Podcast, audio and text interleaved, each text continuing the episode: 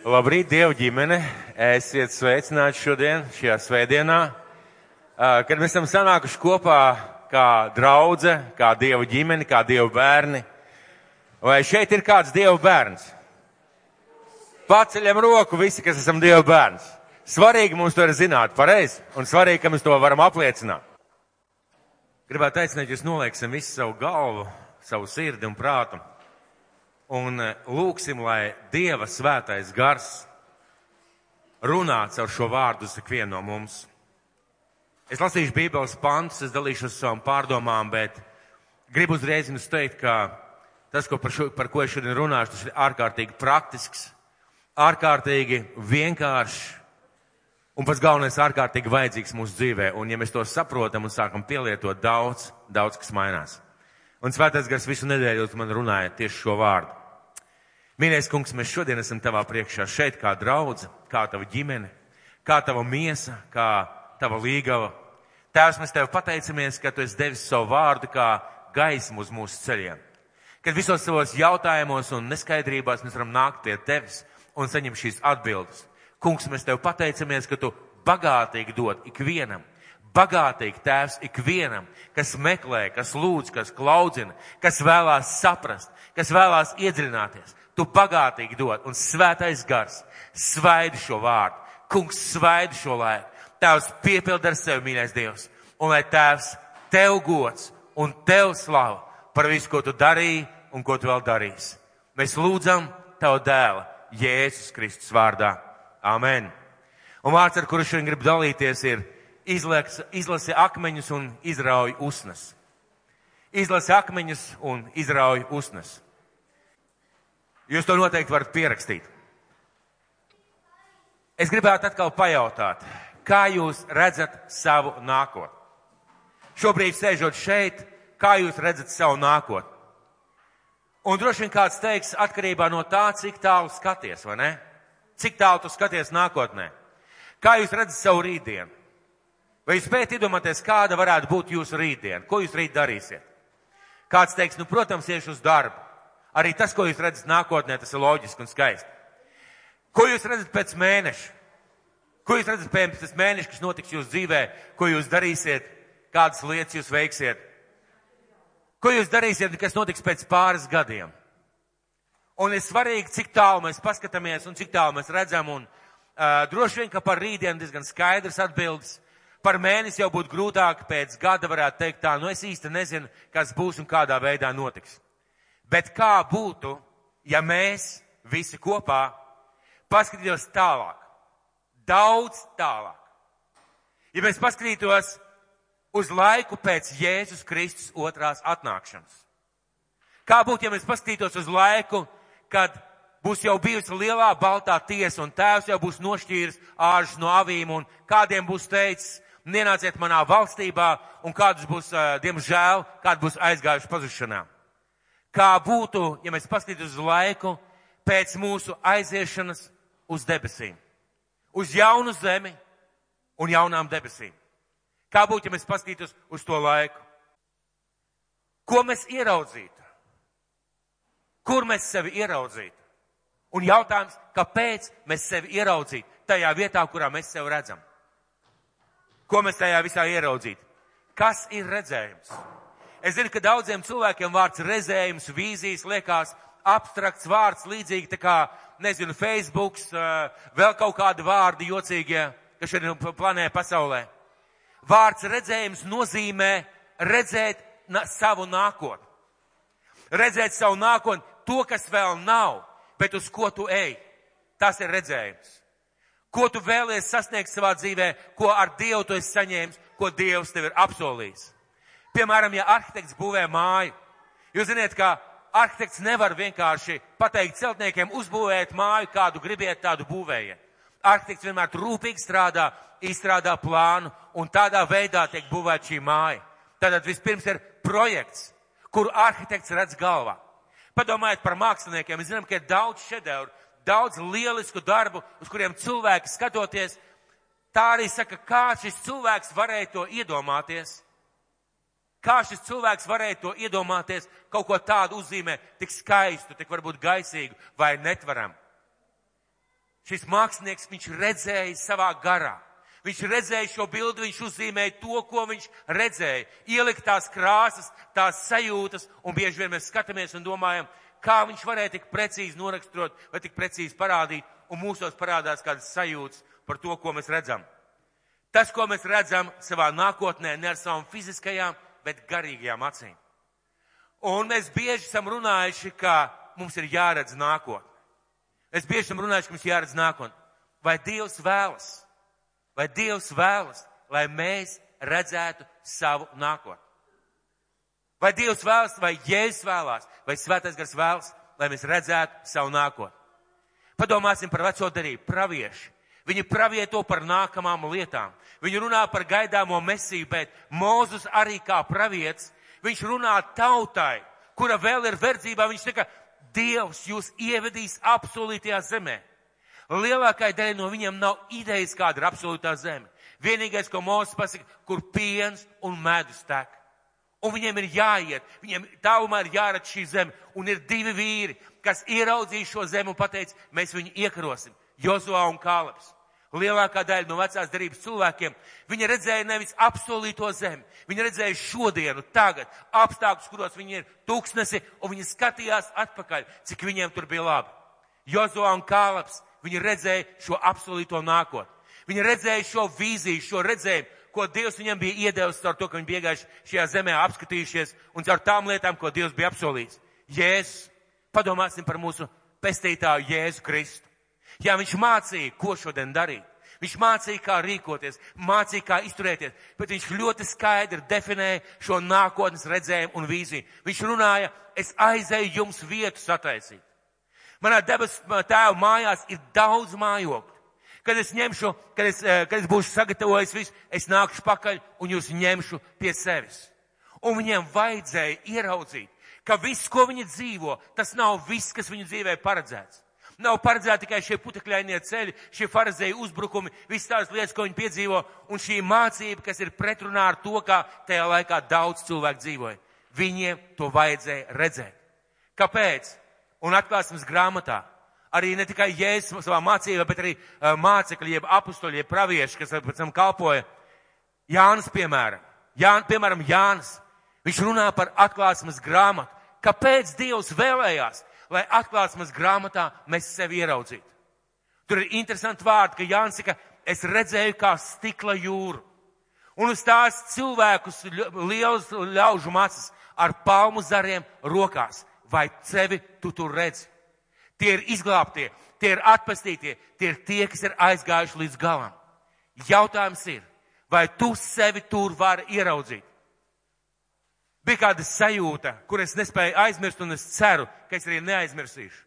Kādus daudzus gadus atpakaļ bija kāds dievkalpojums, kurā kalpoja kāds brālis, un mēs dziedājām veco, labo, brīnišķīgo dziesmu. Aleluja!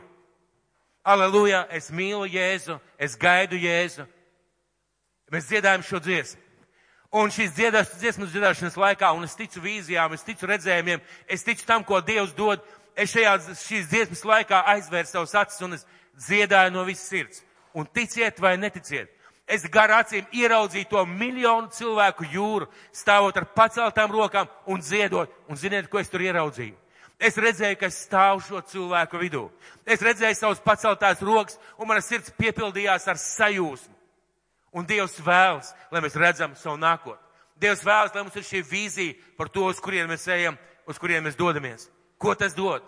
Kā tu redzi, tā tu arī dzīvo. Kā tu redzi, tā tu arī dzīvo. Ja viss, ko tu redzi, ir šodien, šodienu tu arī redzēsi. Ja viss pēc kā tu ilgojies ir šodien, šeit un tagad, tu piepildīsi to, bet šodienai tu arī dzīvos. Un ja tu redz daudz tālāk par šodienu, tu dzīvos savādāk, tu rīkosies savādāk, tu runās savādāk, tu tieksies pēc kaut kā daudz, daudz vairāk. Daudz cilvēku saka tā, man debesīs kaut vai tikai mazu stūrīti. Tā ir nabadzības domāšana. Un ja tu domās, ka man debesīs kaut vai tikai mazu stūrīti, ļoti iespējams, ka tu pat neaizies. Jo tu nebūsi gatavs maksāt par to mazo stūrīti ar savu dzīvi, ar savām izvēlēm, ar saviem upuriem savā dzīvē. Jo maz stūrīts to nemaksā. Dieva valstība to maksā. Būšana kopā ar Kristu to maksā. Ir vērts ziedot, ir vērts darīt, ir vērts ieguldīties, ja es iemantoju Dievu valstību un mūžīgo dzīvi, dzīvību. Kā jūs redzat šo draudz? Kā jūs redzat šo draudz? Es zinu kādu cilvēku. Es zinu kādu cilvēku, kurš uh, mācīja, sludināja un teica savai draudzēji, mēs kaut vai tāda maza ceļa stabiņa. Nu, kaut vai mēs pieci vai desmit, bet mēs tādi mazi ceļa rādītāji uz debesu valstību. Un ziniet, kas jums pateikšu, tā arī ir nabadzības domāšana. Ja es neteicu, jūs būsiet mazi un neievērot. Ja es teicu, jūs būsiet pilsēta kalna galā. Pilsēta kalna galā. Nevis vienkārši viena būdiņa, nevis viena svecīta, bet pilsēta kalna galā.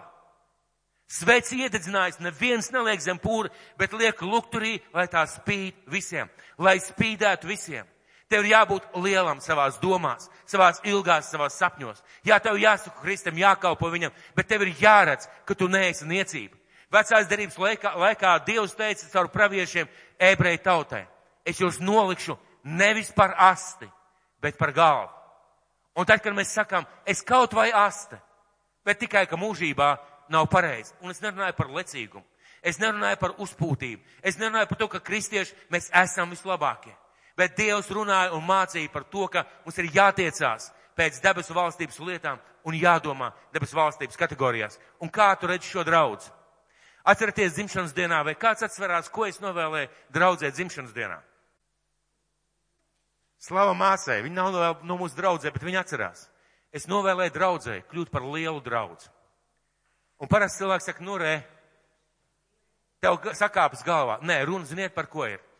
Es, es jau teicu tajā reizē, un atcerieties, varbūt šīs lietas, par ko es gribētu parunāt. Liela draudz pirmām kārtām ir liela dieva acīs. Vai tu gribētu būt liels dieva acīs? Vai Dievs gribētu, lai šī draudze grib būt liela dieva acīs? Un šī draudze nav viens mācītājs. Šī draudze nav viens cilvēks. Šī draudze esi tu. Un jautājums ir, vai tu gribi būt liels dieva acīs? Otrā lieta, ko es teicu, Es novēlēju, ka lai mēs esam lieli cilvēku acīs un atkal nelai spīdētu. Ziniet, kad draudze kļūst liela cilvēku acīs, nevis tad, kad viņai daudz naudas, nevis tad, kad viņai viss izdodas, viss ir ārkārtīgi skaisti, bet tad, kad cilvēki var pateikt, es nezinu, kas tas ir, bet viņu vidū ir Dievs. Es nezinu, kā viņi dabū to gatavu, bet Dievs ir viņu vidū, kad esmu kopā ar viņiem, ir kaut kas tāds, ko es citur nepiedzīvoju. Un cilvēku liecība ir, Dievs ir viņu vidū. Trešā lieta, ko es teicu, es novēlēju, lai mēs esam lieli sabiedrības acīs. Vai tu redzi šo draudz lielu sabiedrības acīs? Ko nozīmē būt lielam sabiedrības acīs? Iespaidot sabiedrību, iespaidot to rajonu, iespaidot to pilsētu, kurā tu esi. Un kad cilvēki valdībā, nezinu, uh, rajona valdībā, vienam ko vietā viņi var teikt, šī draudz kaut ko dara. Viņa atstāja iespaidu. Viņai ir kaut kāda rezultāta. Viņa ir svarīga mūsu pilsētā. Mēs vakar runājām ar tukuma draudzes vadītājiem par redzējumu draudzē. Un mēs definējām, ka tā ir draudze, tā būs draudze, kas izmaina pilsētu. Vai Dievs grib, lai draudze izmaina pilsētu? Dievs noteikti vēlās. Un lai viņa liela sabiedrība acīs. Un ceturtā lieta, lai viņa ir liela skaitliski. Kāpēc būtu draudzē vērts būt lielai skaitliski? lai daudz varētu izdarīt, lai daudz dāvanas darbotos, lai daudz cilvēku ieguldītos debesu valstībā, lai daudz cilvēku tiktu vesti uz Dievu valstību, lai veidotos vadītāji, lai veidotos kalpotāji, lai veidotos cilvēki, kas izmaina šo pilsētu, kas ceļ Dievu valstību. Lūk, kāpēc vajadzētu būt lielai. Un kā tu redzi šo draudz? Un es gribētu tev aicināt, paskaties uz šo draudz jau tagad. Pirms viņa ir 100, 200 vai 500 cilvēki paskaties tagad ar savu šīm acīm, lai šī ir liela draudz. Un Dievs vēlas, un Dievs dod katram no mums nākotnes vīziju un redzējumu. Kas mēs esam Dieva? Mēs esam Dieva bērni. Vai tas ir kaut kas liels? Vai tas ir kaut kas vērtīgs, ko ir vērts domāt un redzēt? Kur mēs dodamies? Dievdot šo redzējumu, uz kurien mēs dodamies? Mēs dodamies uz debesu valstī pie viņa. Un kas mūs tur sagaida? Sagaida mūžīgā dzīvība. Tas ir kaut kas tāds, ko mēs bieži šeit nespējam izskaidrot. Kā var būt? Jebkur ir atšķirība. Šodien es biju neticīgs cilvēks, pagāns, un pēkšņi rītā Pēc tam, kad esmu lūdzis nožēlojis grēkus, es jau esmu Dieva bērns. Kā tas var būt, ka es nezināju, uz kurienes dodos, un pēkšņi pēc kādā mirkļa, pēc satikšanās ar Kristu, es saprotu, es dodos uz debesīm, uz jaunu zemi un jaunām debesīm. Kā tas ir, kad tu domā, ka tu nezini, kas būs tavā dzīvē, nezini, kā tu beigsi, nezini, ar kādām slimībām, lietām tu saskarsies, un pēkšņi tu saproti, ka tev pieder mūžīgā dzīvība. Ka tev pieder mūžīgā dzīvība. Ka pienāks diena, kad tu sāksi dzīvi, kas nekad nebeigsies. Bez bēdām, bez asarām, bez problēmām, Dieva klātbūtnē. Dievs ļoti vēlās, lai mums būtu šāda vīzija, šāds redzējums par mūsu nākotni. Bet Kristus ne tikai mācīja, kā dzīvot šeit, un tagad mācīja mācekļus skatīties nākotnē. Un, ja jūs paskatītos uz viņa mācību, viņš daudz runāja par nākotni. Viņš, piemēram, Pēterim, padomājiet par Pēteri, vienkārši zvejnieks. Vienkārši zvejnieks, kurš tā arī būtu nodzīvojis savu zvejnieka dzīvi un neviens par viņu nezinātu. Viņš saka, Pēter, es tevi darīšu par cilvēku zvejnieku. Viņš iedod viņam vīziju uz nākotni. Matē viņš saka, tu šeit sēdi pie tās būdas, visi tevi ienīst, neviens tevi nemīl, jo tu esi nodevējis savā tautā. Nāc, seko man pakaļ. Matējs ceļās un mēs uzzinām par viņu. Mēs uzzinām par viņu un par viņu vārdu un par viņa evaņģēli runā, jo projām viss pasauli ir pagājuši 2000 gadi. Ar Jēzus vēlās sniegt mums jau nākas vīziju. Bet viņš runāja par to, kā dzīvot, lai aizsniegtu šo nākotni. Un viena lieta ir zināt, kurp es dodos.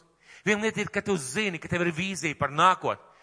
Bet cita lieta šodien zināt, kā aizsniegt šo nākotni. Jo mums vajag kaut ko ziedot, mums vajag kaut ko atstāt, no kaut kā atteikties, lai aizsniegtu to, ko Jēzus mums ir paredzējis. Vai jums kādreiz ir gadījies peldēt kādai upē pāri vai strautam? Jūs neņēmāt līdzi kurpes, jūs neņēmāt bikses, neņēmāt mēteli, neņēmāt savu cepuri. Jūs to visu atstājāt šajā krastā un devāties pāri. Un līdzīgi arī Kristus saka, viņš saka, runājot par nākotni, viņš saka, jums būs jāatstāj kaut kādas lietas un jādodas, lai jūs aizsniegtu to, ko Dievs jums ir ieplānojis un paredzējis. Un Jēzus nekautrējās runāt par nākotni daudzkārt un dažādi, lai atraisītu viņos šo redzējumu par nākotni. Lai atraisītu nevis nabadzības domāšanu, bet bagātības domāšanu. Lai viņi būtu bagāti savā dzīvē, savos mērķos, savos centienos tālāk un pēc sarunām ar kādu bagātu jauneku. Pēc tam, kad viņš runāja šo, šo jauneku, un jauneks saka, kungs, ko man būs darīt, lai es iemantot mūžīgo dzīvību? Ja es saku, tur ir baušļus, un šis jauneks atbild, esmu turējis kopš bērnības. Ja es saku, pārdod visu, kas tev ir, un seko man pakaļ. Un rakstīts, šis jauneklis aizgāja un noskuma, jo viņš bija bagāts. Un ja es saku, bagātie grūti iemantos dabas valstīm. Vieglāk ir kamielim iziet caur adats aci, nekā bagātam iet debesu valstībā. Un mācekļi tajā mirklī nobīstās.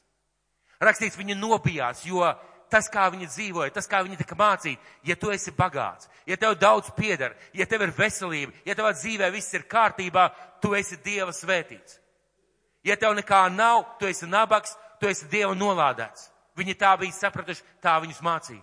Un pēkšņi viņi saprot, ja bagātie nevar ieiet debesu valstībā, bet ja es jau pateicu, kas cilvēkam nav iespējams, tas Dievam ir iespēja. Un ja pagātne netiek debesu valstībā, kas var tikt glābts?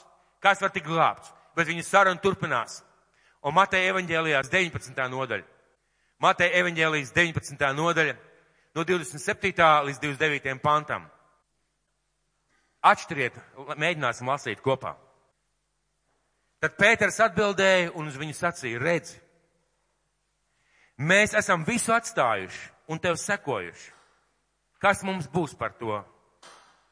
Bet Jēzus sacīja tiem, patiesi es jums saku, jūs, kas man sekojuši jaunajā pasaulē, kad cilvēka dēls sēdēs uz sava godības krēsla, arī sēdēsiet uz 12 krēsliem un tiesāsiet 12 Izrēla ciltus.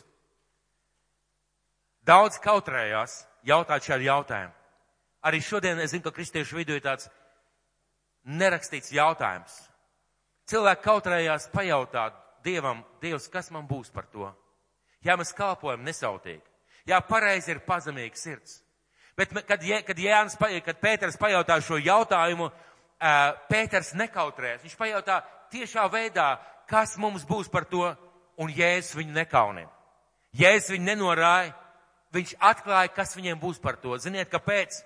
Lai viņš zinātu, un lai viņš tiektos, un lai viņš sasniegtu to, pēc kā Jēzus, ko Jēzus viņam paredzējis. Bet Jēzus sacīja, patiesi es jums saku, jūs, kas man sekojuši jaunajā pasaulē, kad cilvēka dēls dēls sēdēs uz savu godības krēslu, arī sēdēsiet uz 12 krēsliem un tiesāsiet 12 Izraela ciltis. Jūs spējat iedomāties? Viņam bija radusies tāda miglaina sajūta, ka Jēzus ir kaut kas vairāk nekā vienkārši cilvēka dēls. Viņam bija radusies sajūta, ka Jēzus varētu būt Dieva dēls. Un Jēzus viņam saka, kad es būšu savā valstībā, jūs 12. Viņš nesaka 50, viņš saka, jūs 12. Sēdēsiet pie mana tēva uz goda krēsla un tiesāsiet 12 Izraēla tautas valstis. Sakiet, lūdzu, vai tas piepildījās? Vai tas piepildījās? Jāņa Klasmas grāmata, 4. nodaļa, no 1. līdz 2. pantam. Jāņa Klasmas grāmata, 4. nodaļa, no 1. līdz 2. pantam, un tad mēs pāriesim uz 11. pantu. Uz 11. nodaļu no 15. līdz 17. Jāņa Klasmas grāmata, 4. nodaļa, 1. 2. 1. 2. pants, tad 8. 11. un pēc tam 11. nodaļa no 15. līdz 17. pantam. Un šajā 4. nodaļā no 1. panta rakstīts, pēc tam es redzēju un raugi, debesis atvērtas, debes, durvis atvērtas debesīs. Un pirmā balss, ko es dzirdēju kā bazūna, uz mani runāja, sacīja, uzkāp šurp un es rādīšu tev, kam jānotiek turpmāk. Runāja par to, ka Jānis redz nākotni. Jā, apustulis Jānis redz nākotni, to nākotni, par kuru Jēzus runāja, kad viņš teica, jūs sēdēsiet uz 12 krēsliem. Un lūk, šajā no 8. līdz 11. pantam. Un četras dzīvās būtnes. Jānis redz troni, 12 krēslus, tur nāk zibeņi, stikla jūra un daudzas tādas lietas. Un lūk, 8. pantā. Un četras dzīves būtnes, kam, kurai kam katrai pa seši spārni, kas pilni acīm visapkārt un iekšpusē, un bez mitēšanās dienu un nakti sauc. Svēts, svēts, svēts kungs Dievs, visu valdītājs, kas bija, kas ir un kas nāk. Kad dzīvās būtnes dod slavu, godu un pateicību tam, ko redz goda krēslā un kas dzīvo mūžu mūžam, tad 24 vecai metas zemē tā priekšā, kas sēd goda krēslā un pielūdz to, kas dzīvo mūžu mūžam un noliek savus vainagus goda krēsla priekšā. Rakstīts 24. Skatāmies tālāk, 11. nodaļa. 11. nodaļa no 15. līdz 17. pantam. 11. nodaļa no 15. līdz 17. pantam. Septītais eņģelis bazūnē, un stipra balss atskanēja debesīs, kas sauca, pasaules valdība ir nākus rokā mūsu kungam un viņa svaidītam un viņš būs valdnieks mūžīgi mūžam. Un tie 24 vecai, kas sēd Dieva priekšā uz saviem troņiem, krīt uz savu vaigu un pielūdz Dievu sacīdami. Un tālāk viņi pagodina Dievu. Vai jūs pamanat kādu lietu? Un teologs saka, teologs saka, ka runājot par šiem 24 veciem, tie ir 12 vecās darības pravieši un 12 jaunās darības apustuļi. Un kad Jēzus teica, jūs sēdēsiet uz goda krēsliem, viņš parādīja viņiem nākotni, bet uz šo nākotni bija jāaiziet. Bet vai tas piepildījās? Vai piepildījās tas, ko viņš viņiem teica? Tas piepildījās un piepildījās bur, bur, burtiski. Un šajā Mateja evaņģēlija 29. pantā atgriežamies atpakaļ. Jūs tiesāsiet 12 Izraēla cilts. Un Mateja evaņģēlijas 19. nodaļa, 29. pants, atgriežamies atpakaļ. Un kas atstājas mājas, vai brāļus, vai māsas, vai tēvu, vai māti, vai sievu, vai bērnus, vai tīrumus mana vārda dēļ, tas saņems daudz kārtu vairāk un iemantos mūžīgo dzīvību. Tas saņems daudz vairāk un iemantos mūžīgo dzīvību. Ko šeit jāsaka? Ik viens, kas kaut ko vērtīgu, vajadzīgu dārgu atstāja Dievu valstības un Kristus dēļ, tas iemantos mūžīgo dzīvību. Jau šajā dzīvē daudz vairāk un iemantos mūžīgo dzīvību. Beigās būs mūžīgā dzīvība. Ko viņš ar to pasaka? Jums ir jāzina. Jums kaut kas ir sagatavots priekšā, un es gribu, lai jūs to ieraugat. Es gribu, lai jūs pēc tā tiecaties, lai es gribu, lai jūs zināt, ka jūs gaidat šādas lietas priekšā. Un ja es vēlās, lai mēs to zinām, redzam savā nākotnē un tiecamies pēc tā. Kāpēc tas būtu vajadzīgs? Kāpēc tas būtu vajadzīgs? Lai mums nebūtu nabadzības domāšana, lai mēs domātu par lietām, kuras Dievs mums ir apsolījis. Bet kā tur nonākt? Kā nonākt šajā mūžīgajā dzīvībā? Kā nonākt pie šiem 12 troņiem, pie 12 krēsliem? Kā nonākt uz tās stikla jūras, kurā mums katram sevi vajadzētu ieraudzīt? Kā nonākt šajā vietā? Kā nonākt, kas ir, ko vajag izdarīt? Ko vajag izdarīt, lai nonāktu šajā vietā? Un pirmām kārtām notic, ka Jēzus Kristus ir Dieva dēls. Notic, ka Viņš ir samaksājis par taviem grēkiem. Notic, ka Viņš ir augšām cēlies, ka Viņš ir pie Dieva labās, labās rokas. Pieņem viņu kā savu kungu un savu glābēju. Tu nevari vienkārši ticēt, ka ir debesis. Tu nevari vienkārši ticēt, ka ir eņģeļi. Tu nevari vienkārši ticēt, ka kaut kur kādreiz būs jauna zeme un debesis. Tev ir jānotic, ka viņš ir tavs kungs un tavs glābējs. Un ar savām lūpām viņš jāpliecina par savu kungu un savu glābēju. Bet pēc tam, lielais pēc tam. Es pieņēmu Kristu, es atdevu viņam savu dzīvi, lielais pēc tam. Ko darīt pēc tam? Un šis lielais pēc tam ļoti daudziem cilvēkiem izrādās klupšanas akmens. Klupšanas akmens. Un pirms šīs runas, pirms tā, ka viņš runāja par mūžīgo dzīvību, pirms tā, ka viņš runāja par 12 krēsliem, pirms tam, ka viņš runāja par šo te mūžīgo dzīvību, Mateja evaņģēlijā 7. nodaļa, 13. pants. Mateja evaņģēlijā 7. nodaļa, 13. pants. Pirms tā, ka viņš apsolīja šo mūžīgo dzīvību, viņš kaut ko pateica. 7. nodaļa, 13. pants. 7. nodaļa, 13. pants. Iet pa šauriem vārtiem, jo vārti ir plati un ceļš ir plats, kas aizved uz pazušanu. Un daudz ir to, kas pa tiem ieiet. Bet šauri ir vārti un šaurs ceļš, kas aizved uz dzīvību. Un maz ir to, kas to atrod. Kas ir šis platais ceļš? Mēs bieži runājam par šo vietu, mēs lasam šo vietu. Kas ir šis platais ceļš? Dari, kā sirds vēlās. Dari, kā tu jūti. Dari, kā ir ērtāk, izdevīgāk. Tas nozīmē, ir daudz veidu, kā dzīvot, it kā sekojot Dievam. Pēc savas gribas, pēc saviem uzskatiem, pēc savas sapratnes, kā ērtāk, kā vieglāk, kā patīkamāk. Sakiet, vai tā ir taisnība? Tā taču ir vienkāršāk dzīvot, pareizi? Tā ir vienkāršāk, ērtāk, un iesaka, plats ir ceļš. Daudz variantu, kā jūs varat iet. Tikai ziniet, ka daudz cilvēku aiziet pazušanā. Un ja es viņus brīdināju, būs kādi vārti, kuri nebeigsies ar debesīm, bet kuri beigsies ar bezdibeni. Un daudz cilvēku iekrīt šajā bezdibenī. Bet kas ir šaurais ceļš? Tas nenozīmē, ka ir grūti kļūt par kristieti. Tas nenozīmē, ka ir grūti noticēt, par, kļūt par kristieti, Kristus mācekli, bet ir tikai viens ceļš, kā nonākt mūžībā. Nav tik viegli sekot pa šo ceļu Jēzum. Kāpēc šis ceļš ir šaurs? Kāpēc Jēzus šo ceļu nošauc par šauru?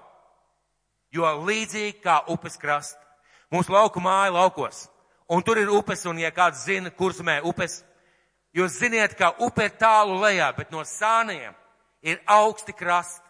Īstenībā, ka tu reizēm grib uzrāpties augšā, gandrīz ir neiespējami, jo ir ļoti stāvs krasts. Un šī upe ir šaura, bet gar malām ir stāvi krasti. Un šie krasti ir Dieva vārds. Šie krasti, kas ierobežo šo ceļu, ir Dieva vārds. Tās lietas, ko Dievs grib, lai mēs darām, kā lai mēs dzīvojam, tie ir Jēzus vārdi. Un šodien, ja es teiktu, ja tu esi pieņēmis Kristu, ja tu esi piedzimis no augšiem, tu ej uz debesīm, es teiktu taisnību. Bet tikpat liela taisnība ir, tev ir jāsako Kristum. Tev ir jāiet pa šo čauro ceļu.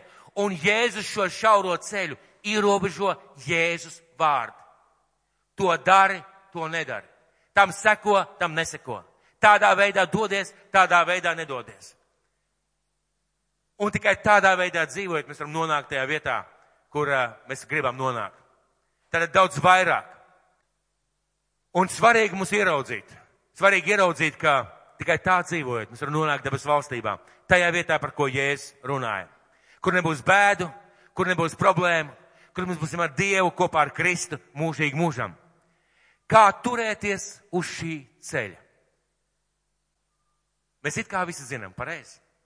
Bet kā turēties uz šī ceļa, kā iet pa šo ceļu? Kā turēties pie Kristus vārdiem, kā turēties pie tā, ko viņš māca? Sakiet man. Un jautājums arī man pašam sev. Tā vienkārši. Cik dievkalpojumus jūs apmēram esat bijuši? Varbūt kādam ir pieci. Cik gadus esat kristieši? Piecus. Saskaitiet. Cik svētdienas ir bijušas? Cik sprediķus jūs esat dzirdējuši? Daudz, pareizi. Cik reizes jūs esat lasījuši Bībeli? Daudzas stundas. Ja salikt kopā, tad daudzas, daudz stundas. Un man ir jautājums. Man ir jautājums. Cik daudz no tā ir palicis jūsos? Cik daudz no tā ir palicis manī? No tā, ko es dzirdēju. No tā, par ko tika sludināts. No tā, ko es pateicu, nu jā, taisnība. Cik daudz mūsos ir palicis, mēs daudz esam dzirdējuši. Un tagad piedodiet, ja kādam tas liksies sāpīgi, bet es negribu nevienu sāpināt. Cik daudz no mums mēs esam dzirdējuši, ka mūsu personīgās attiecības, laiks ar Dievu ir galvenais mūsu dzīvē. Cik daudz mums esam teikuši, jā, lūkšana laiks, lūk, eh, bībeles lasīšana ir galvenais kristiešu dzīvē. Ja es daudz runāju par to, ka jūs esat vīna koka zari, un ja jūs nogriežat sev no šī, no šī koka, jūs nevarat iemantot to, ko Dievs vēlas teikt. Cik daudz ir dzirdējuši? Sakiet man, kāpēc tik daudziem nav laika priekš Dievu? Ja tā ir patiesība, kāpēc tik daudz cilvēku saka, man ir maz laika lasīt, maz laika lūgt? Jautājums, ja tā ir dzīvība, ja tas ir Dieva vārds, kāpēc mums nav laika to darīt? Mēs esam dzirdējuši un daudzkārt dzirdējuši, atdot savu dzīvi Dievam, uzliec savu dzīvi uz altāru, ieguldies pa īstam Dieva valstībā. Kāpēc ir tā, ka draudzēs joprojām ļoti daudz ko dara saujiņu cilvēku, un lielākā daļa māja ar galvu un saka, amen mācītāji, lielisks vētrun. Vai taisn otrādi, nekas tur nebija. Kāpēc tā? Man ir jautājums sev, kāpēc Dieva vārds nav man izmainījis tā, kā viņš varēja izmainīt? Daudz cilvēku ir dzirdējuši stāstu un liecina, tu esi liecinieks. Vai jūs liecinat saviem darba kolēģiem uz ielas? Vai jūs meklējat pastāstīt cilvēkiem iespēju par Jēzu Kristu? Godīgi. Meklēt. Slaudiem, ja kāds to dara. Lielākā daļa pateiks, īsti neiznāk, īsti nemāku, Vai Jēzus kaut vienā vietā teica, ja tev nav teoloģiskās izglītības, pat nevar mutu vaļā. Taisn otrādi viņš teica, jūs būsiet mani liecinieki. Tad kāpēc mēs to nedaram? Vai Dieva vārds nesaka, ka ikvienam ir dota gara izpausme, lai nestu svētību? Ikvienam. Tas nozīmē, ka, ja šajā zālē jūs varat atrast kādu, kurš nav ik viens, tad uh, droši varat doties mājās. Šajā zālē viens no jums ir ik viens. Un Bībele saka, ikvienam dot garu izpaust, lai nestu svētību. Tad kāpēc ir cilvēki, kuri nekalpo nevienā kalpošanā, kuri nedara nekādas lietas savā draudzē, kuri neieguldās tajā, ko Dievs aicina darīt draudzē? Mēs esam dzirdējuši par ziedošanu, par desmito tiesu. Un cilvēks saka, nu apnicis jau par to desmito tiesu. Pilnīgi piekrīt. Bet ziniet, kas ir interesanti? Cilvēki paliek dusmīgi, kad runā par desmito tiesu bet viņi nedod. Viņi paliek aizvainot, tik par to naudu runā, bet viņi nedod. Bet viņi ir gatavi vārīties savā sirdī, bet viņi noteikti Dievam to nedos. Mēs esam dzirdējuši netiesā, un mēs tiesājam. Mēs esam dzirdējuši neaprunā, un mēs aprunājam. Mēs esam dzirdējuši, esi lēnprātīgs, un mēs neesam lēnprātīgi. Mēs esam dzirdējuši, esi mērķiecīgs, Dievs ir mērķiecīgs, un mēs plūstam vienkārši pa straumu.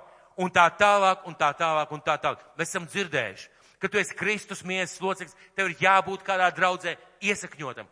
Kāpēc šodien uz kristīgām konferencēm cilvēku daudz un lielākā daļa nav nevienā draudzē? Bet visi Dievu meklē, visi meklē svaidījumu, visi meklē spēku. Kāpēc? Ja mēs esam dzirdējuši, ja tas ir Dieva vārds, kāpēc tādas lietas notiek? Kur tas daudz kas ir palicis? Pasakiet man un sev, kur tas ir palicis, ko mēs esam dzirdējuši. Jo vajadzētu tā. Dievkalpojumā bija sprediķis par ziedošanu, un es pieņemu lēmumu. Tas vārds ir patiesa, tā ir taisnība. Es pieņemu lēmumu, lai kāda man pensija, lai kāda man līdzekļa, es ziedoju desmito tiesu. Dievkalpojumā bija vārds par to, ka katram jābūt kādā kalpošanā, un es pieņemu lēmumu, mācītāji, ko es varētu darīt. Man nav daudz laika, vai esmu ļoti aizņemts vai slims, bet ko es varētu darīt? Un, mīļie pensionāri, lūdzu nesakiet. Lūdzu nesakiet, ka jums ir tāds vecums, ka jūs neko nevarat darīt. Mums būs pensionāra tikšanās. Sakiet man, pat ja jūs nevarat skaļi lūgt, vai lūkšana ir kalpošana Dievam un draudzē? Kurš no pensionāriem līdz savam pēdējiem elpas vilcieniem nevar lūgt par draudzu un par, un, un par Dievu valstību. Visi var, pareizi? Sakiet man, kurš no senioriem līdz pēdējiem savu elpas vilcienam var, uh, nevar ziedot desmito, draudz, desmito daļu Dievam un draudzē? Visi var, pareizi? Jūs nevarat krēslus bīdīt. Jūs nevarat rīkot pasākums. Jūs nekāpsiet uz skatuves, bet jūs varat kalpot. Un Bībele saka, kad Anna tā, kura satika Jēzu pēc piedzimšanas, kad, kad Samuēls viņu svaidīja, Anna kalpoja Dievam, rakstīts, Anna kalpoja Dievam ar lūkšanu un ar gavēšanu. Tas nozīmē, ka tu vari būt pensionārs uz nāves gultas un līdz pēdējiem apsvilcienam tu vari palikt ierindā. Kāpēc? Tāpēc, ka Dievs ir teicis, ikvienam ir dota gara svētība, lai nestu svētību. Lūk, kāpēc. Un kur tas viss ir palicis? Kāpēc bieži vien mēs zinām un mēs nedaram? Kāpēc nav palicis mūsos iekšā? Un es zinu, ka šobrīd daži jūtās nērti, daži jūtās mācīties atkal par to pašu. Man, sev un jums ir padoms. Ir kāds putns, kurš tad, kad viņš sastopās ar briesmām, jeb izaicinājumu, jeb kaut kādu e, situāciju, kur viņam ir neskaidra, viņš kaut ko dara. Viņš iebāž galvu smiltīs. Un viņam liekas, ka viņš ir atrisinājis problēmu. Man ir padoms, nedarīsim tā. Jo tad, kad atnāk spiediens vai kāds izaicinājums no Dieva, viss gudrākais ir ieklausīties un padoties. Jo strausam nevajadzētu būt. Un atkal nesaka, apsūdzošs dievkalpojums bija. Padomā, vai tā nav taisnība. Padomā, vai tas, ko tu dzirdēji, vai tā nav taisnība. Un Jēzum ir atbilde, kāpēc. Es uzdevu jautājumu, kur tas ir palicis. Padomājiet godīgi. Mēs esam dievkalpojumiem gājuši gadiem. Gadiem, daudz gadiem. Mēs esam dzirdējuši vārdu, mēs esam domājuši, jā, tā ir taisnība. Kur tas viss ir palicis? Un kāpēc tas nav palicis mūsu dzīvē? Un Jēzum ir atbildi. Mateja evaņģēlijas 13. nodaļa no 1. līdz 9. pantam. Mateja evaņģēlijas 13. nodaļa, sākot ar 1. pantu. Tanī dienā Jēzus no nama izgājis, apsēdās jūrmalā. Un daudz ļaudis sapulcējās pie viņa tā, ka viņš iekāpa laivā un apsēdās, un visi ļaudis stāvēja krasmalā. Un viņš tiem daudz runāja līdzībās un sacīja, redzi, sējējs izgāja sēt. Un viņam sējot, cita sēkla krita ceļmalā, putnāts un to apēda. Cita krita uz akmenāju, kur tai nebija daudz zemes, un tā duļa uzdīga tāpēc, ka tā nebija dziļas zemes. Bet, kad saule uzlēc, tad tā savīta un nokalta, tāpēc, ka tā nebija saknes. Bet citi iekrita ērkšķos, un ērkšķi uzaug un to nomāca. Bet citi krita labā zemē un nesa augļus. Cita simtkārtīgus, cita sešdesmit kārtīgus, cita trīsdesmit kārtīgus.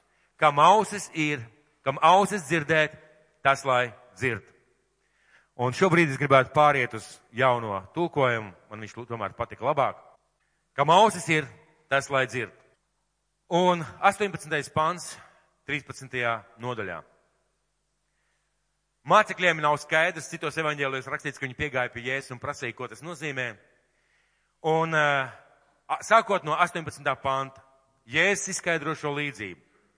Tad nu ieklausies līdzībā par sējēju. Un es lasīšu paralēli 13. nodaļu, pirmos pantus un šos te 18 un 19 un tā tālāk pantus. Un tā tad 13.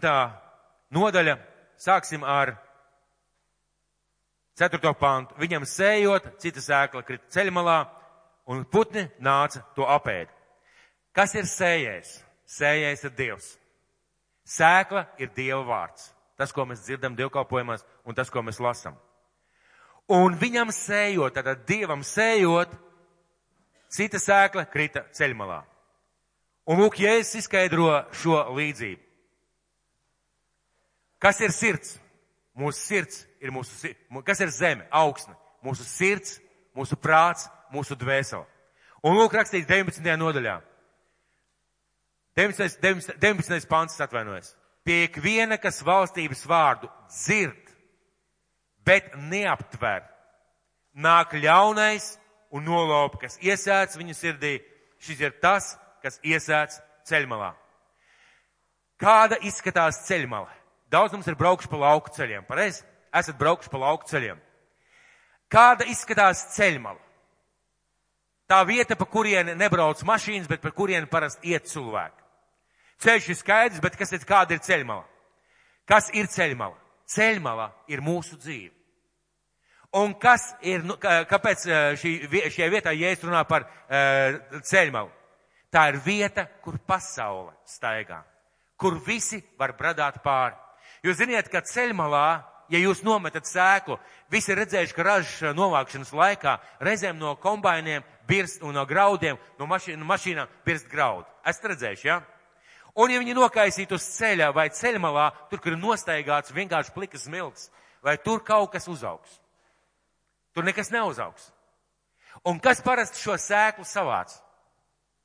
Putniņi. Un ja es precīzi stāšu šo līdzību, viņš saka, ka atnāk putni un savāc. Bet šajā izskaidrojumā viņš runā, tas vārdu dzird, eh, tas vārdu dzird, bet neaptver. Ko var nozīmē vārds neaptver? Cilvēks neiedziļinās. Cilvēks dzird, bet cilvēks neiedziļinās. Neiedziļinās, neiedomājas, ko tas nozīmē, nesāk domāt. Un tad nāk ļaunais un nolaupa, kas iesēdz viņa sirdī.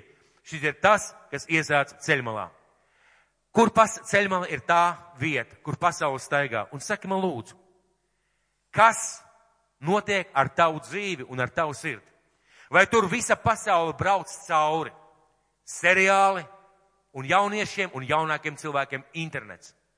Nemirkli atpūtas, nemirkli uh, klusuma, visu laiku īkšķus uz, īkšķus uz, uz, uz, uz, klausa, uz klausulēm, uh, īkšķus uz podziņām, visu laiku kaut kas notiek. Nepārtraukt. Un internetā ir viss kaut kas komiksi, filmas, notikumi, vēl kaut kādas lietas. Un tas viss burtiski tevi uh, sabradā, piepild to zemi nomīca. To zemi nomīca un tur nevar iekrist tava sēkla. Internets, pasaulīgi viedokļi, šodienas pasaules uzskati, un tu ļauj, tu ļauj, lai pasauli, lai šīs lietas bradā pa tavu dzīvi. Bradā pa to augsni, kurā ir tava augsne. Tu ļauj, lai tas viss bradā pa tavu sirdi. Un tas noplicina un nobradā. Un ja es saku, ja jūs dzīvojat tādu veidu, ka jūs ļaujat visam sevi nākt iekšā, ka jūs uzklausat visādus viedokļus, ir cilvēki, kas to vien dara, meklē jaunumus, notikumus, vētras, problēmas, politika, vēl vis kaut kas. Cilvēki kā seniori dzīvo bieži vien no panorāmas un no notikumiem. Un tad atnāk kaut kāda šausmīga ziņa, mācības. Ak, šausmas, ak, šausmas, kas būs un nav vairs iespējams Dievu lūgt, jo bailes atnākušas. Un ja es saku, ja jūs ļaujat, ja jūs ļaujat, lai Dieva vārds krit jums tādā augstnē, ja jūs paši ļaujat savu sirdi, savu dvēseli, savu garu un domas nobradāt, tā sēkla iekritīs. Bet jūs pat nemēģināsiet saprast, kāpēc, jo ir noplicināts, piepildīts ar visu kaut ko citu. Un viņš saka, nevis putne, bet ļaunais nāk un paņem. Un tā tiešām arī notiek. Paliek virspusē, putni apēd. Ko apēd? To, ko tu dzirdēji. Un tu brīnies. Neatceros, par ko bija trīs dievkalpojums atpakaļ.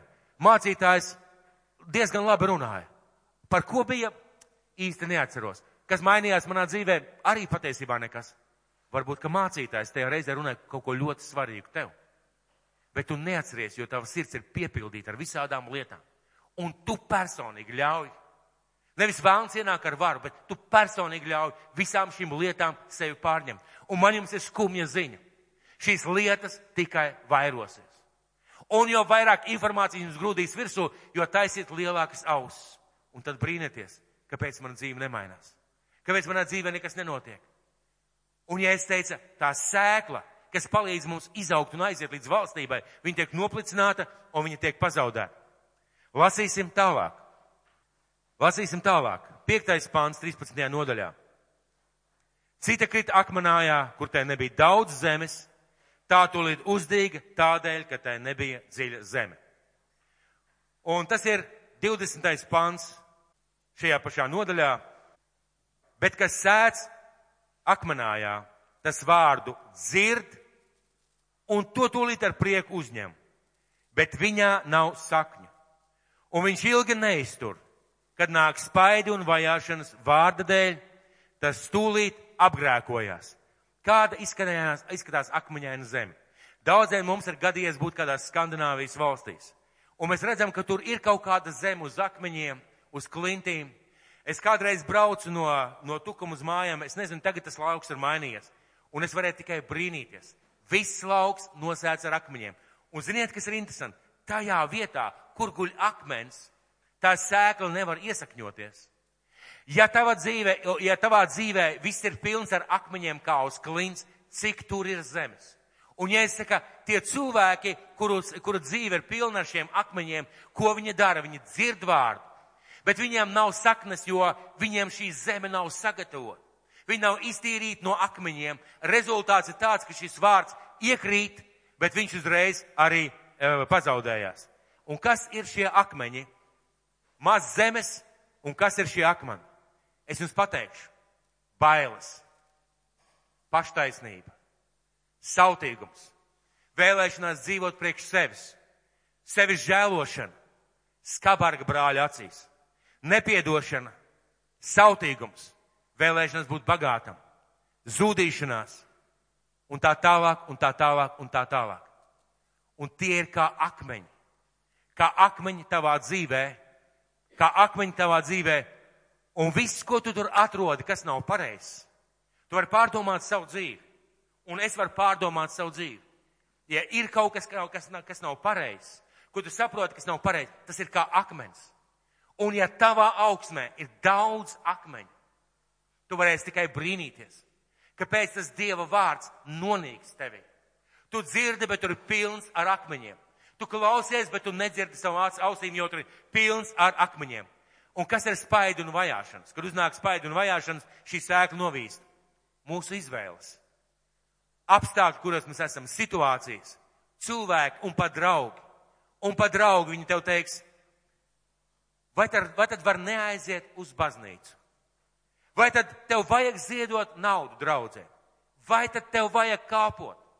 Tu pats sev teiksi, draugi teiks, vai tad tev vajag daudz vairāk nekā citiem? Un kas notiek? Tas, ko tu esi dzirdējis, novīst, jo pilns ar šiem akmeņiem. Tu dzirdēji, tu ar prieku uzņēmi, bet tu neļāvi šeit, šeit šim vārdam dot saknes, jo tur ir pilns ar akņiem, akmeņiem. Un tu nepārdomāji, tu neiedziļinājies, tu neatgriezies, tu ļauj tam visam palikt. Un ja es saku šādā augsnē, un ja mēs esam godīgi, mūsu dzīve bieži vien ir pilna ar šādām lietām. Vienkārši pilna ar šādām lietām. Mēs zinām, ka tas nav pareizi. Mēs zinām, ka Dievs to eh, kaut kādā veidā neakceptē. Mēs zinām, ka tas ir pret Dieva gribu. Mēs to zinām. Un mēs domājam, ka tas nekas pienāks kāds laiks, un tas viss pats no sevis pazudīs. Un, ja es saku, tu dzirdi vārdu, Tu dzirdi vārdu par mīlestību, bet tev ir kāds akmens. Viņi nav tādi, kā vajadzētu. Un ir skabarga brāļa acī. Un tu pats savā acī baļķu krāvumu neredzi. Bet skabarga brāļa acī tu ieraudzīji. Un no tā izriet tas, tas ka tev šī sēkla neuzdīgs tavā dzīvē. Skatīsimies tālāk. Nākošā augsne. Cita sēkla krita starp ērkšķiem. Septītais pants. Un ērkšķi izauga un to nomāca. Cita sēkla krita starp ērkšķiem un ērkšķi izauga un to nomāca. Kāds izskatās ērkšķa lauks Latvijā?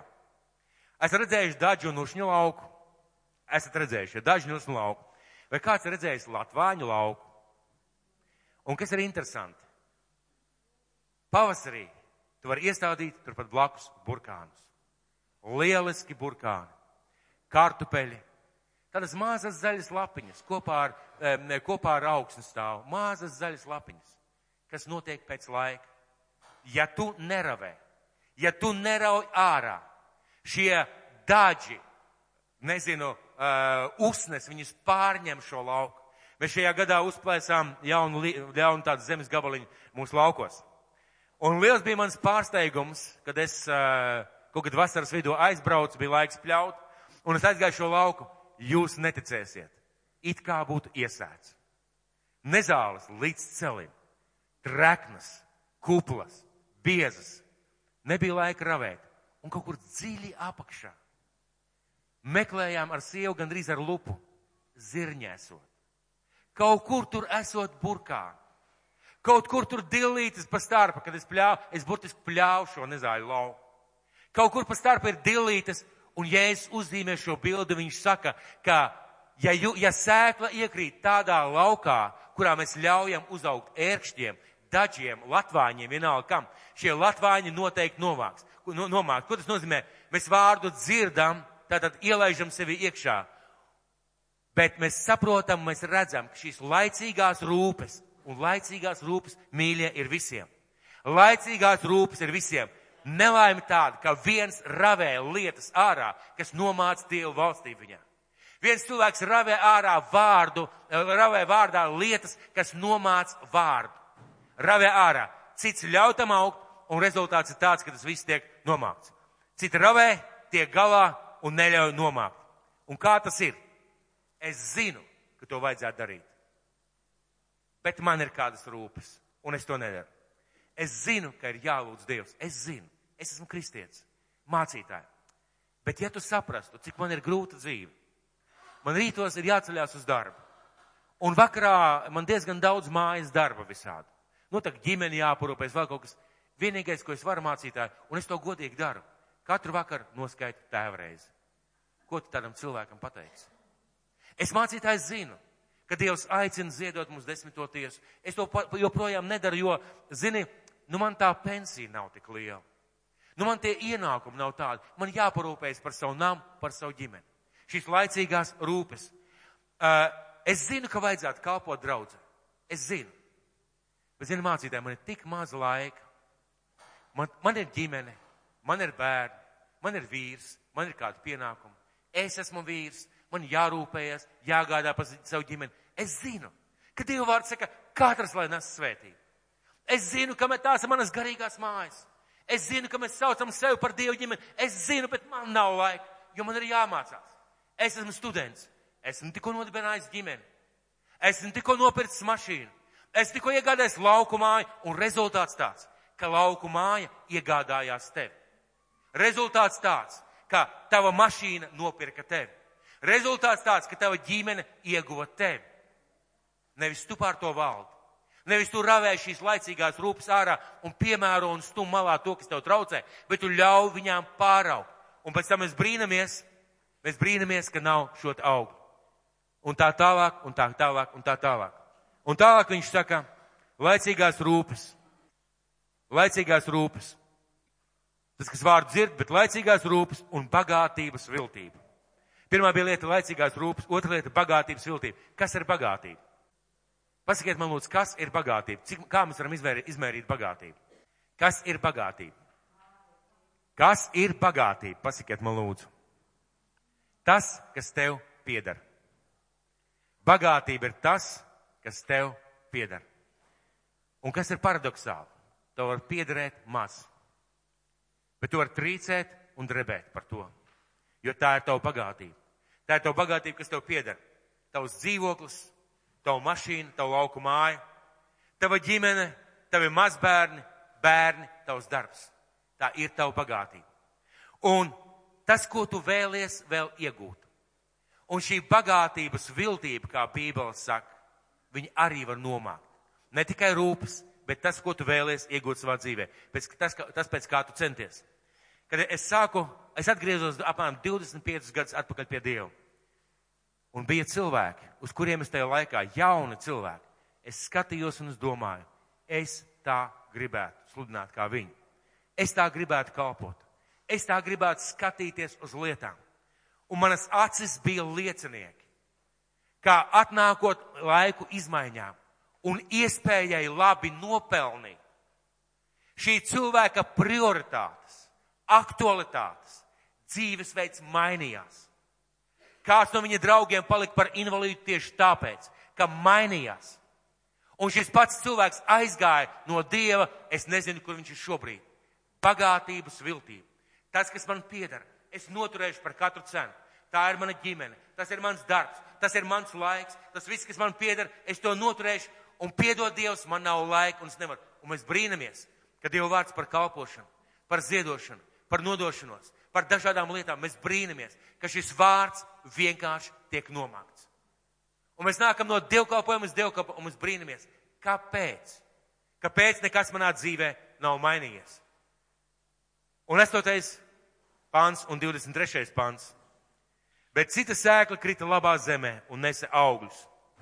Cita simtkārtīgus, cita sešdesmit kārtīgus, cita trīsdesmit kārtīgus, kam ausis dzirdēt, tas lai dzird. Un 23. paralēlais pants. Bet kas sēdz labā zemē, tas vārdu dzird un saprot. Un viņš nes augļus, cits simtkārtīgus, cits 60 kārtīgus, cits 30 kārtīgus. Kāda izskatās laba zeme? Kāda izskatās laba zeme? Ja mēs runājam par sirdi, ja mēs runājam par savu dvēseli, kāda izskatās tīri fiziski laba zeme? Uzirdināta, pareizi akmeņu kaudze stāv tur kaut kur izkrāmēta pareizi. Uh, nezāļu kaudze stāv pa labi un pa kreisi, viss ir izravēts. Un aug skaisti, jauki burkāni. Viņiem, protams, ir ļoti vientuļi tajā vagā, tiem burkāniem. Un, protams, tām bietītēm arī ir ļoti vientuļi, jo nav brāļu māsu ušņu blakus. Bet kas ir interesanti? Tā sēkla aug. Tā sēkla veidojās. Un, ja es saku, ziniet, labā augsne ir tā augsne, kurā cilvēks neļauj bradāt visiem ar kājām, kurā neļauj bradāt šai pasaulē, pasaulīgām lietām. Tā ir labā augsne. Tā ir labā augsne, kurā ir izvākti šie akmeņārā. Un tā ir labā augsne, kurā sēkla iekrīt. Un šī sēkla var brīvi augt, jo viņa ir uzrušināta un sagatavot un labprāt uzņem. Kādreiz, kad mēs mājās aram, aram zevi sev dārzā, mums ir tāda liela, milzīga elektriskā ecešie varētu tā teikt. Un, kad tu ejai šīs ecešas, tu grimsti šī tik tālu apmēram. Un tu skaidri vari zināt, tad, kad tur iemetīs sēku, viņa noteikti izaugs. Kāpēc? Viņa ir uzplēsta, viņa ir sagatavota, viņa ir uzarta. Un, ja es saku, un uzartā zemē kritušais vārds, tas nesīs sēku. Tas nesīs augļus. Cits 100 kārtīgi, 60 kārtīgs un 103, cits 30 kārtīgs. Un ja es nepārmetu, ka tu nes 30 kārtīgus augus, tu atnes pēc tā, ko tu spēj. Tu atnes pēc tā, kā tu spēj. Tu atnes pēc tā, kas ir tavā dzīvē, ko tu vari izdarīt. Un sakiet man, ko vēl nozīmē šī laba augsne? Tu dzirdi. Tu dzirdi dievkalpojumā. Tu saproti un tu iedziļinies. Un tu pārdomā to vārdu, ko tu dzirdēji. Tu pārdomā to vārdu, ko tu dzirdēji. Un kad tu esi pārdomājis, kad tu esi sapratis, ka tā ir patiesība, tu it kā atgremo šo vārdu. Tu ļauj šim vārdam ienākt sevī un tu sāc dzīvot pēc šī vārda. Pat ja tu varbūt visu nesaproti un saka, un tagad tu sāc dzīvot pēc šī vārda, tu atnes augļus. Un augļi ir varbūt pēc tā, kāds augstu, kāds augstais. Un rezultātā ir augļi. Un tas ir šaurais ceļš. Un, ja es teicu, jums pieder debesu valstī, lūk, visiem, kas man sekos, būs mūžīgā dzīvība. Bet jūs nevarat aiziet pa jebkuru ceļu, kurš vien nāk jums priekšā. Jums ir vajadzīgs iet pa šo šauro ceļu. Bet ejot pa šo šauro ceļu, jums ir jāzina, ka mans vārds ierobežo. Un lai vārds, kurš ierobežo, būtu aktuāls un darbotos tavā dzīvē, tev ir jādomā par savu sirdi. Un ko tu dari ar to, ko tu dzirdi? Man ir jautājums. Šim ir tāds jautājums dievkalpojums. Kas notiks ar to, ko tu šodien dzirdēji? Trīs lietas. Laižam mūžībā, miers viņa pīšļiem. Mācītājs runāja šodien aizskaroši. Ļoti nomācošs dievkalpojums bija. Bet kā būtu, ja tu aizietu mājās un padomātu, ko tas internets, kur tu lieto katru dienu, izdara tavā dzīvē? Kā būtu, ja tu aizietu mājās un pārdomātu, kas ir tie akmeņi, kas neļauj tavā zemē uzaugt vārdam? Ja tu neredz izmaiņas pēc gadiem, ja tu nepiedzīvo izaugsmi, ja tu nepiedzīvo to, ka tava dzīve mainās, reāli paskaties, vai tava dzīve mainās, vai tu ej uz priekšu. Ja tava dzīve mainās, slava Dievam, tas vārds darbojās. Bet ja tava dzīve nemainās, tad, kaut, tad tavā dzīvē iespējams ir akmeņi.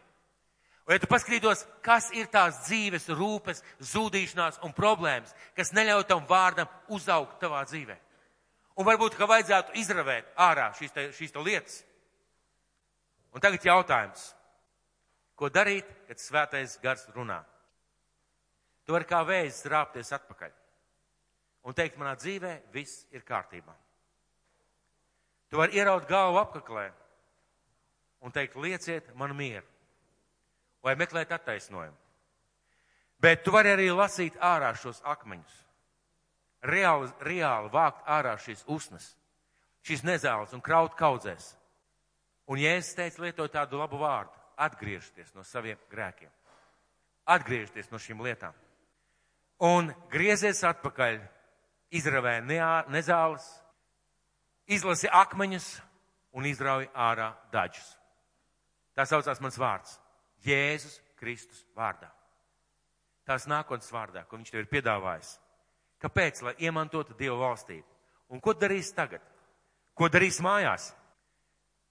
Ir tāda lieta, ko sauc par kristiešu draugiem. Vai kāds zina, kas ir kristiešu draugs? Kāds teiks Jēzus? Nu, protams, Jēzus. Bet ir vēl kādi kristiešu draugi. Neviens nezina, kas ir kristiešu draugs. Pildspalva un rakstāmais. Pildspalva un papīrs. Un paņem mājās, pārdomā to, ko tu šodien dzirdēji. Un padomā, kas, not, kas bradā pa tavu dzīvi un kas iespaido tavu dzīvi un izmaina tavu dzīvi. Padomā, kādi akmeņi ir tavā dzīvē un padomā, ko dara dzīves rūpes un zudīšanās un tavas vēlēšanās pēc nākamām lietām, ko tas izdara tavā dzīvē. Un padomā, kā izdarīt savu augsni auglīgu, tādu, kas nes augļus. Un tad tu varēsi iet pa šo ceļu. Un tad tavā dzīvē būs šis šaurais ceļš. Un zini, kas ir? Tev būs daudz prieka, daudz laimes, daudz sajūsmas un daudz izmaiņu tavā dzīvē. Ļoti iespējams, ka es runāju gar. Ļoti iespējams, ka es runāju nepilnīgi. Ļoti iespējams, ka varbūt ne visi saprata, ne visi uztvēra, bet padomājiet par to. Ļoti vienkārši. Kāds cilvēks teica pēc kāda darījuma. Beidzās kāds darījums viņa dzīvē un likās, ka visi baigi kārtībā. Un ka beidzās šis darījums, visi viņam spieda roku, viņš teica, jā, it kā viss ir kārtībā bet dīvaini, kāpēc es jūtos kā muļķis? Un pēc šī dievkalpojuma padomājiet, dīvaini, bet kāpēc tiešām manā dzīvē daudz kas nav mainījies? Un varbūt, ka laiks sākt uzdot jautājumus. Un lasīt ārā akmeņus un raut ārā usnes. Un lai Dievs mūs visus to svētī. Āmen.